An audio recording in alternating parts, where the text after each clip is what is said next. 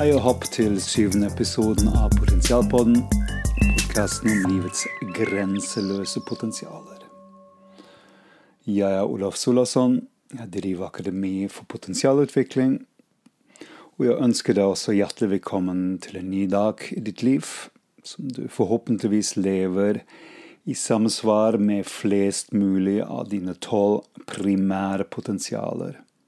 Denne syvende episoden av podkasten skal vi fortsette med å se mer spesifikk på hver enkelt av de tolv primære potensialene, og vikle ut potensialhjulet og sine tolv trinn steg for steg. I vår Tour Potensial så langt hadde vi nådd frem til det femte primære potensialet. Menneskets kreative, solare skaperkraft denne evnen til å skape seg selv, og skape det livet man virkelig elsker. Kapasitet, og dette kan man ikke si ofte nok, som er medfødt og dermed mulig for absolutt alle mennesker uten unntak. Hvis vi nå rigger potensialhjulets kvalitative klokke 30 grader fremover. Og bevege oss til det sjette primære potensialet, som i den astrologiske dyrekretsen samsvarer jomfruen på planetplan, Merkurjomfruen, og hussystemet, det sjette hus. Så har vi naturligvis kommet til et helt nytt tematisk avsnitt. For å kunne forstå hva dette sjette primære potensialet i essens betyr, trenger man å se på konteksten og den utviklingen som har skjedd så langt i potensialhjulet. Hadde f.eks. potensialhjulet stoppet ved det femte primære potensialet, hadde mennesket på en ubevisst og instinktiv måte kun vært opptatt av seg selv, egne behov og sin egen vilje. Han hadde bokstavelig vært psykt ego. Ingenting hadde eksistert utenfor ens egne subjektive rammer, og livet hadde vært en ren navlebeskuelse. Og derfor handler det neste og sjette trinn i livets utviklingskronologi om en slags integrering av denne subjektiviteten. I potensialutviklingsspråk kalles denne integreringen for bevisstgjøring. Så de foregående prinsippene av fysisk og psykisk subjektivitet, som vi har sett i de fem foregående prinsippene, skal nå i den sjette stasjonen av potensialhjulet blir integrert i en større bevissthetssammenheng, da man i første omgang blir bevisst seg selv, og i andre omgang seg selv i relasjon til omverdenen og livet per se. Bevisstgjøringsprosesset betyr rett og slett at det subjektive universet skal ordnes og sorteres.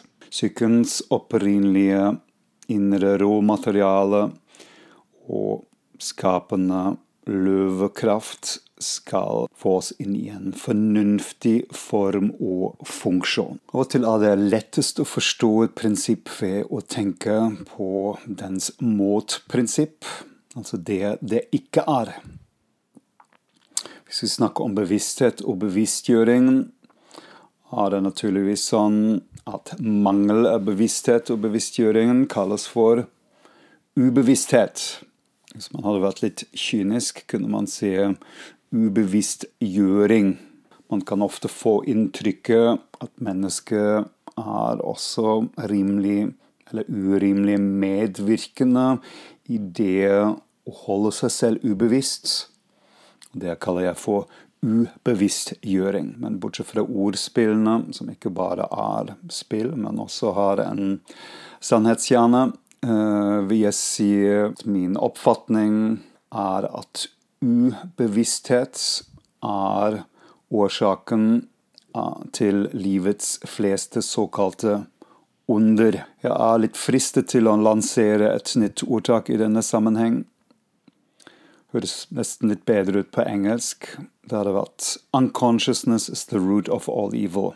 Men med ond eller under bare så det er sagt, mener jeg ikke at noe eller noen er ond. Personlig, og også transpersonlig, tror jeg egentlig ikke på ondskap. I hvert fall ikke i kjernen. Selv om symptomer av det ondskapsfulle eller det onde selvsagt eksisterer. Men det er ikke fordi noe eller noen er ond. Og nå kommer vi tilbake til dette temaet med bevissthet og ubevissthet. Men rett og slett fordi det som virker ondt, eller har en ond virkning Eller man kunne også sette en V foran det, en vond virkning det er egentlig bare et resultat av manglende bevissthet, lik ubevissthet. Ikke at jeg vil påstå at bevissthet er alt, men bevissthet eller bevisstgjøringsprosesser har etter min erfaring alltid utgangspunktet, en slags startpunkt, for å kunne gå inn i en utviklingsprosess. Så lenge et tema er nemlig ubevisst, forblir man på autopilot. Og autopilot betyr stort sett man fortsetter å kjøre de samme gamle, utdaterte mønstrene, væremåte, programvare. Same shit, different rapping, med andre ord. Og i konsekvens vikles forviklingen ytterligere inn. Det er derfor ikke tilfeldig at potensialpsykologien og potensialastrologiens modell for alle utviklingsprosesset starter alltid med bevisstgjøring som første utgangspunkt for å få i gang en selvutviklingstrekant. Bare så det er nevnt, så er de to andre ingrediensene av denne trekanten den psykiske prosessen og atferden eller atferdsendring. Så se for ditt indre en slags trekant. På toppen øverste spissen står bevissthet, eller bevisstgjøringen. På høyresiden, eller venstresiden, alt ettersom, står som andre steg av selvutvikling den psykiske prosessen. Altså den aktive arbeiden med indre transformasjoner. Man virkelig trenger å gå i sine indre landskapene og jobbe med å transformere den indre softwaren før det i tredje skritt, tredje kanten av trekanten, så å si, um, føre til en genuin atferdsendring. Man kunne nesten si hvis den bevisstgjøringen, trinn 1, og den psykiske prosessen er ordentlig gjort, så kommer atferdsendringen nesten av seg selv. Dette er selvsagt en litt større og mer omfattende diskusjon som vi tar en annen gang, men for øyeblikket ønsker jeg bare å så et lite frø i forhold til det. Den gresk-armenske mystikeren Gurdjef, som levde mellom 1866 og 1949, sa en gang at det føltes ut for han som om han gikk gjennom en sovesal da alle mennesker ligger i dyp søvn om drømmer om sitt liv.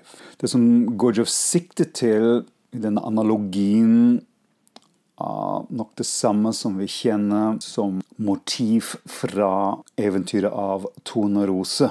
Utviklingsmessig, psykologisk, individuell og kollektiv kan vi nok med god samvittighet påstå at mennesker og menneskeheten stort sett ligger i dyp Tone Rose-søvn.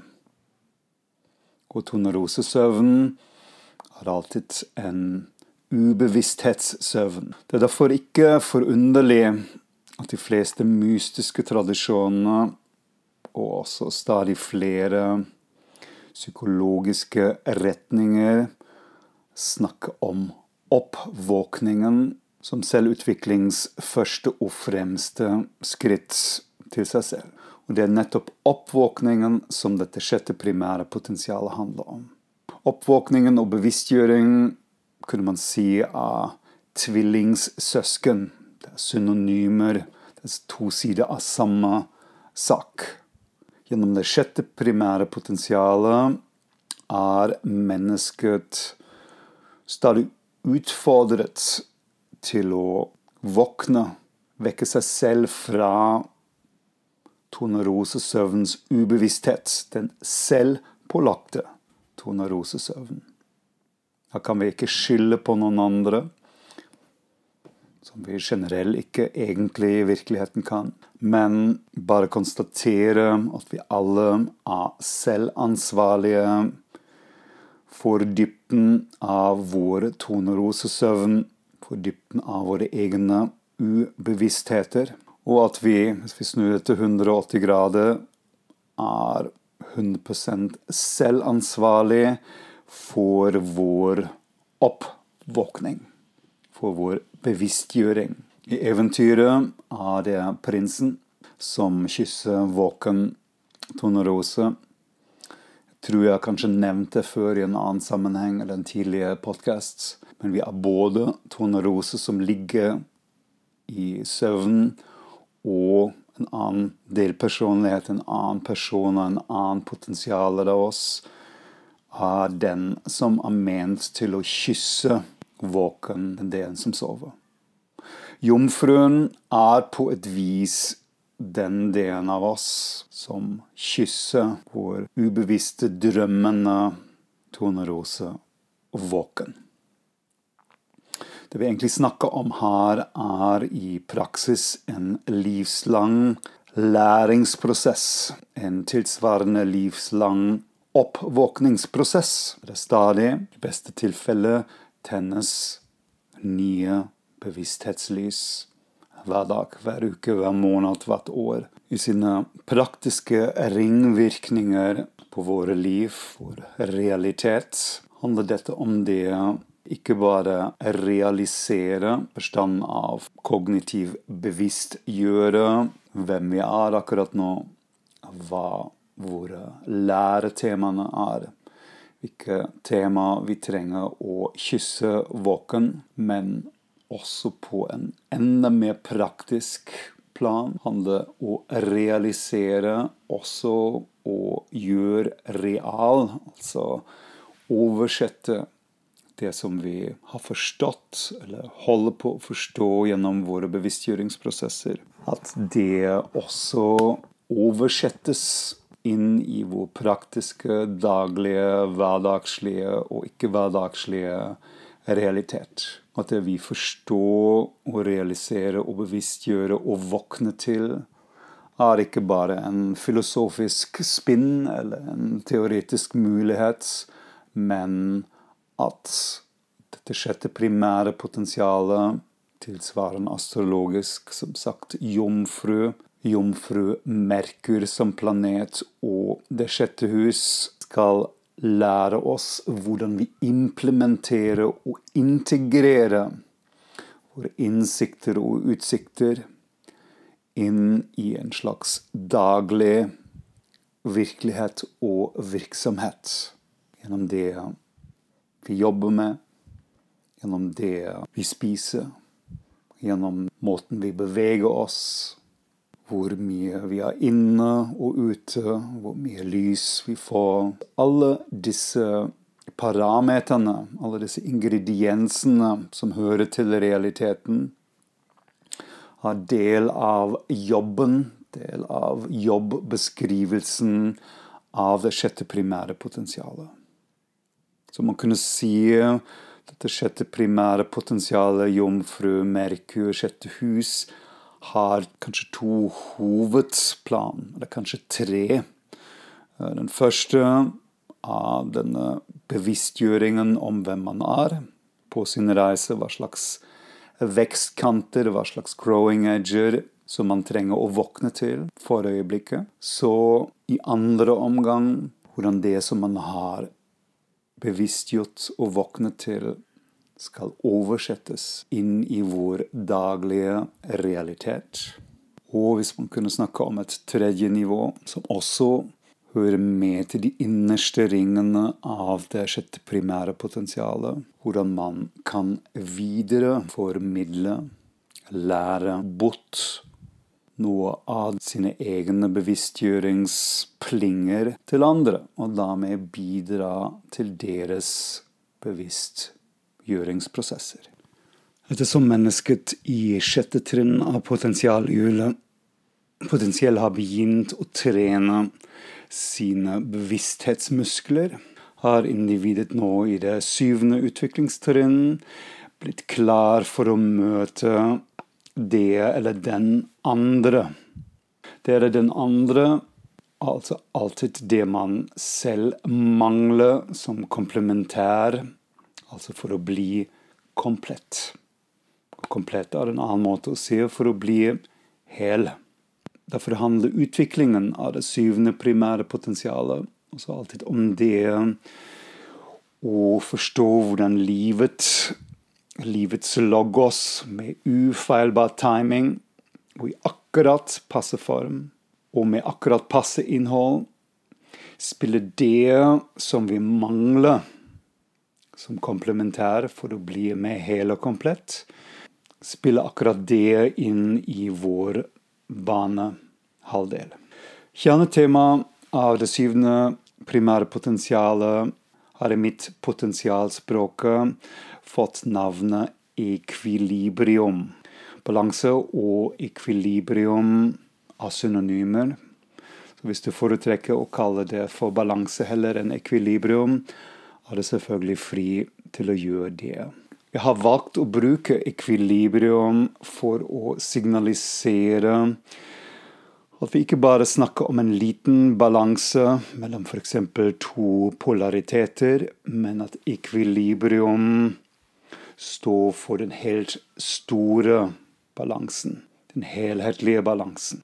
Allerede ved første åndedrag blir det tydelig at det syvende primære potensialet må være en av livets fremste lovmessigheter.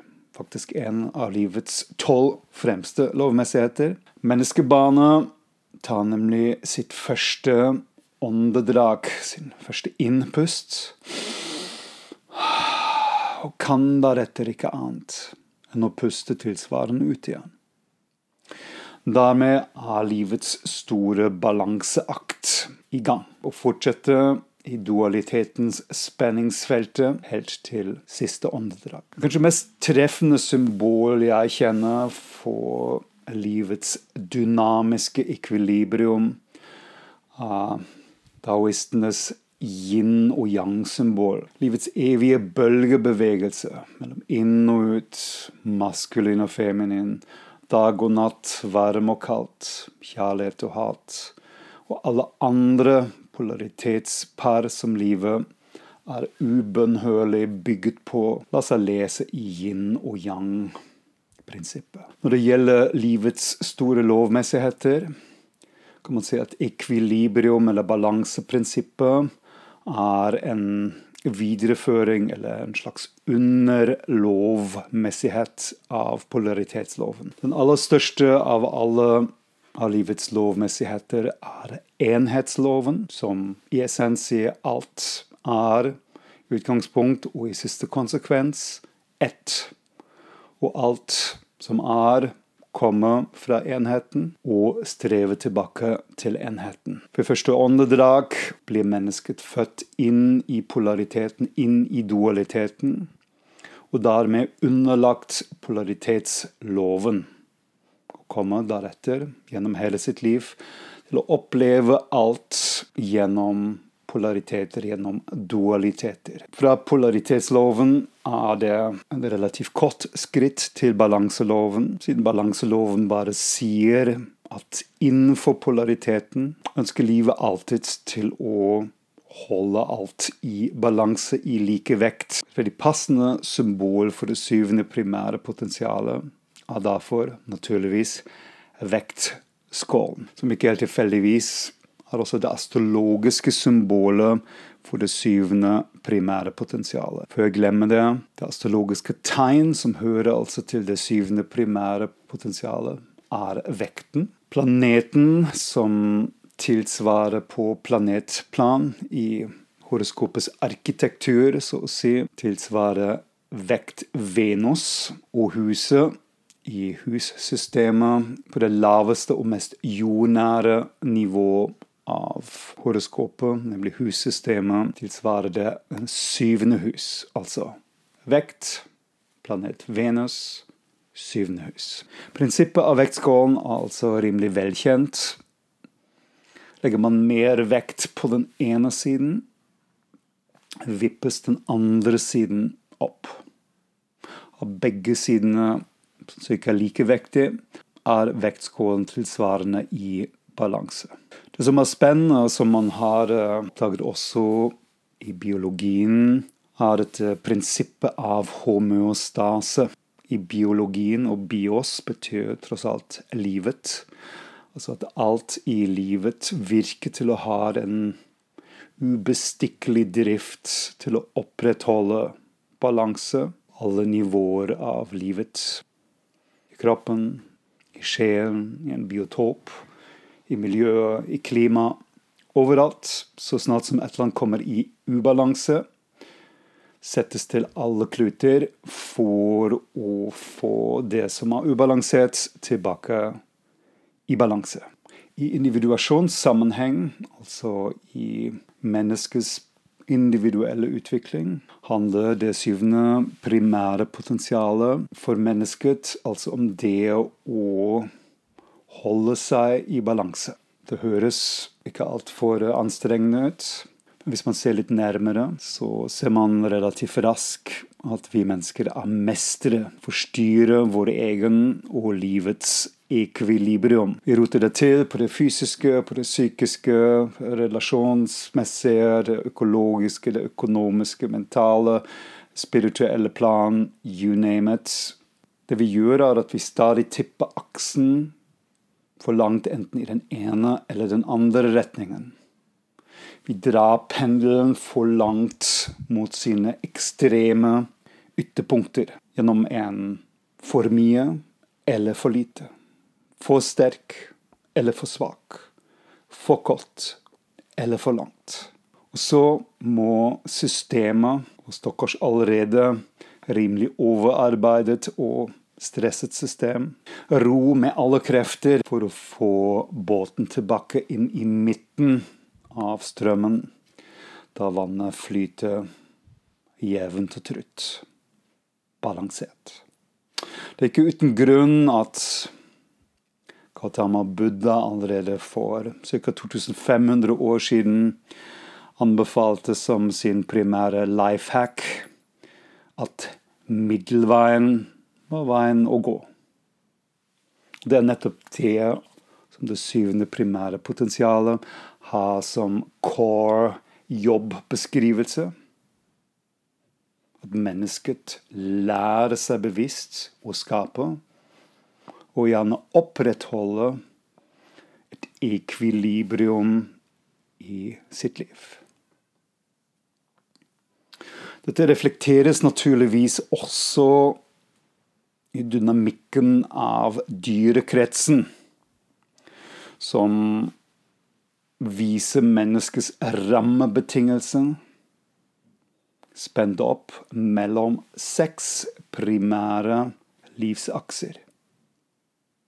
Hver av de tolv astrologiske arketypene har også kalt for de tolv primære potensialene, har en motsatt side. 180 grader i opposisjon, et balanserende komplementærprinsipp. Jo mer aksen heller i den ene eller den andre retningen, desto mer ubalansert eller polarisert opplever mennesket seg i henhold til aksens spesifikke tematikk. Aksenes mening og naturlig drift er alltid til å komme i eller holde ulike vekten. Og jo flere av de seks primære astrologiske aksene er i like vekt, desto mer kjenner og oppfører seg mennesket balansert. Og interessant, og ikke minst logisk nok, desto mer kommer individet også til å oppleve sin omverden som balansert. Hvordan man opplever sin omverden, har nemlig relativt lite å gjøre med hvordan omverden objektive er, men hvordan man selv ser omverdenen og møter omverdenen ut ifra sin egen subjektivitet. Menneskets oppgave, og da med en av sine tolv primære ansvarsområder, er altså å få alle sine seks primære akser i ekvilibrium. Bare nevne de seks aksene raskt. Første aksen er hver vekt. Andre aksen av tyr, skorpion. Tredje aksen av tvilling, skytte. Den fjerde aksen av kreps, steinbukk. Femte aksen er løve, vannmann. Og sjette aksen er jomfru, fisk.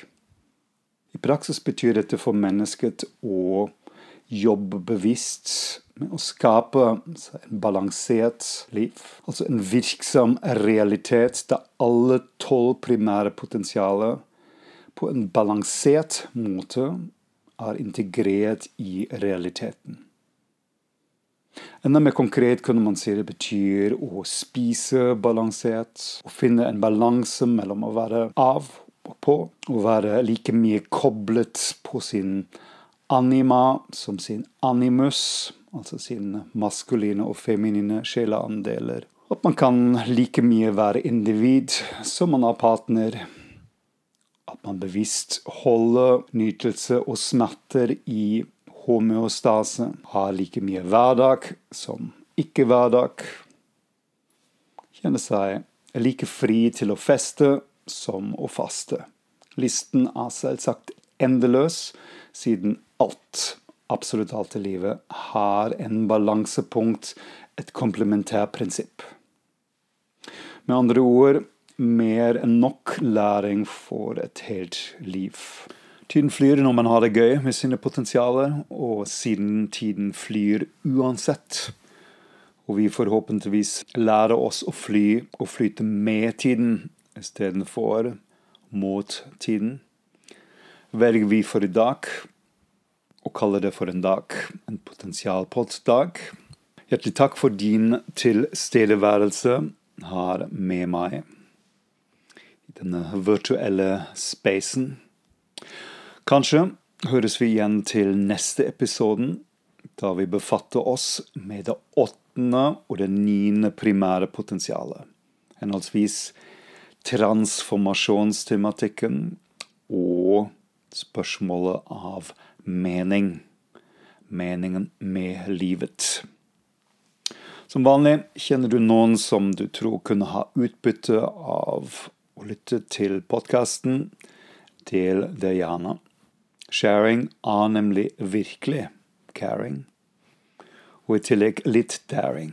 I denne tiden da vi som mennesker skal lære hvor mye vi alle virkelig er forbundet med hverandre på alle plan, kan være en viktig bidrag til denne felles utviklingen, denne felles individuasjonen kalt den kollektive evolusjonen.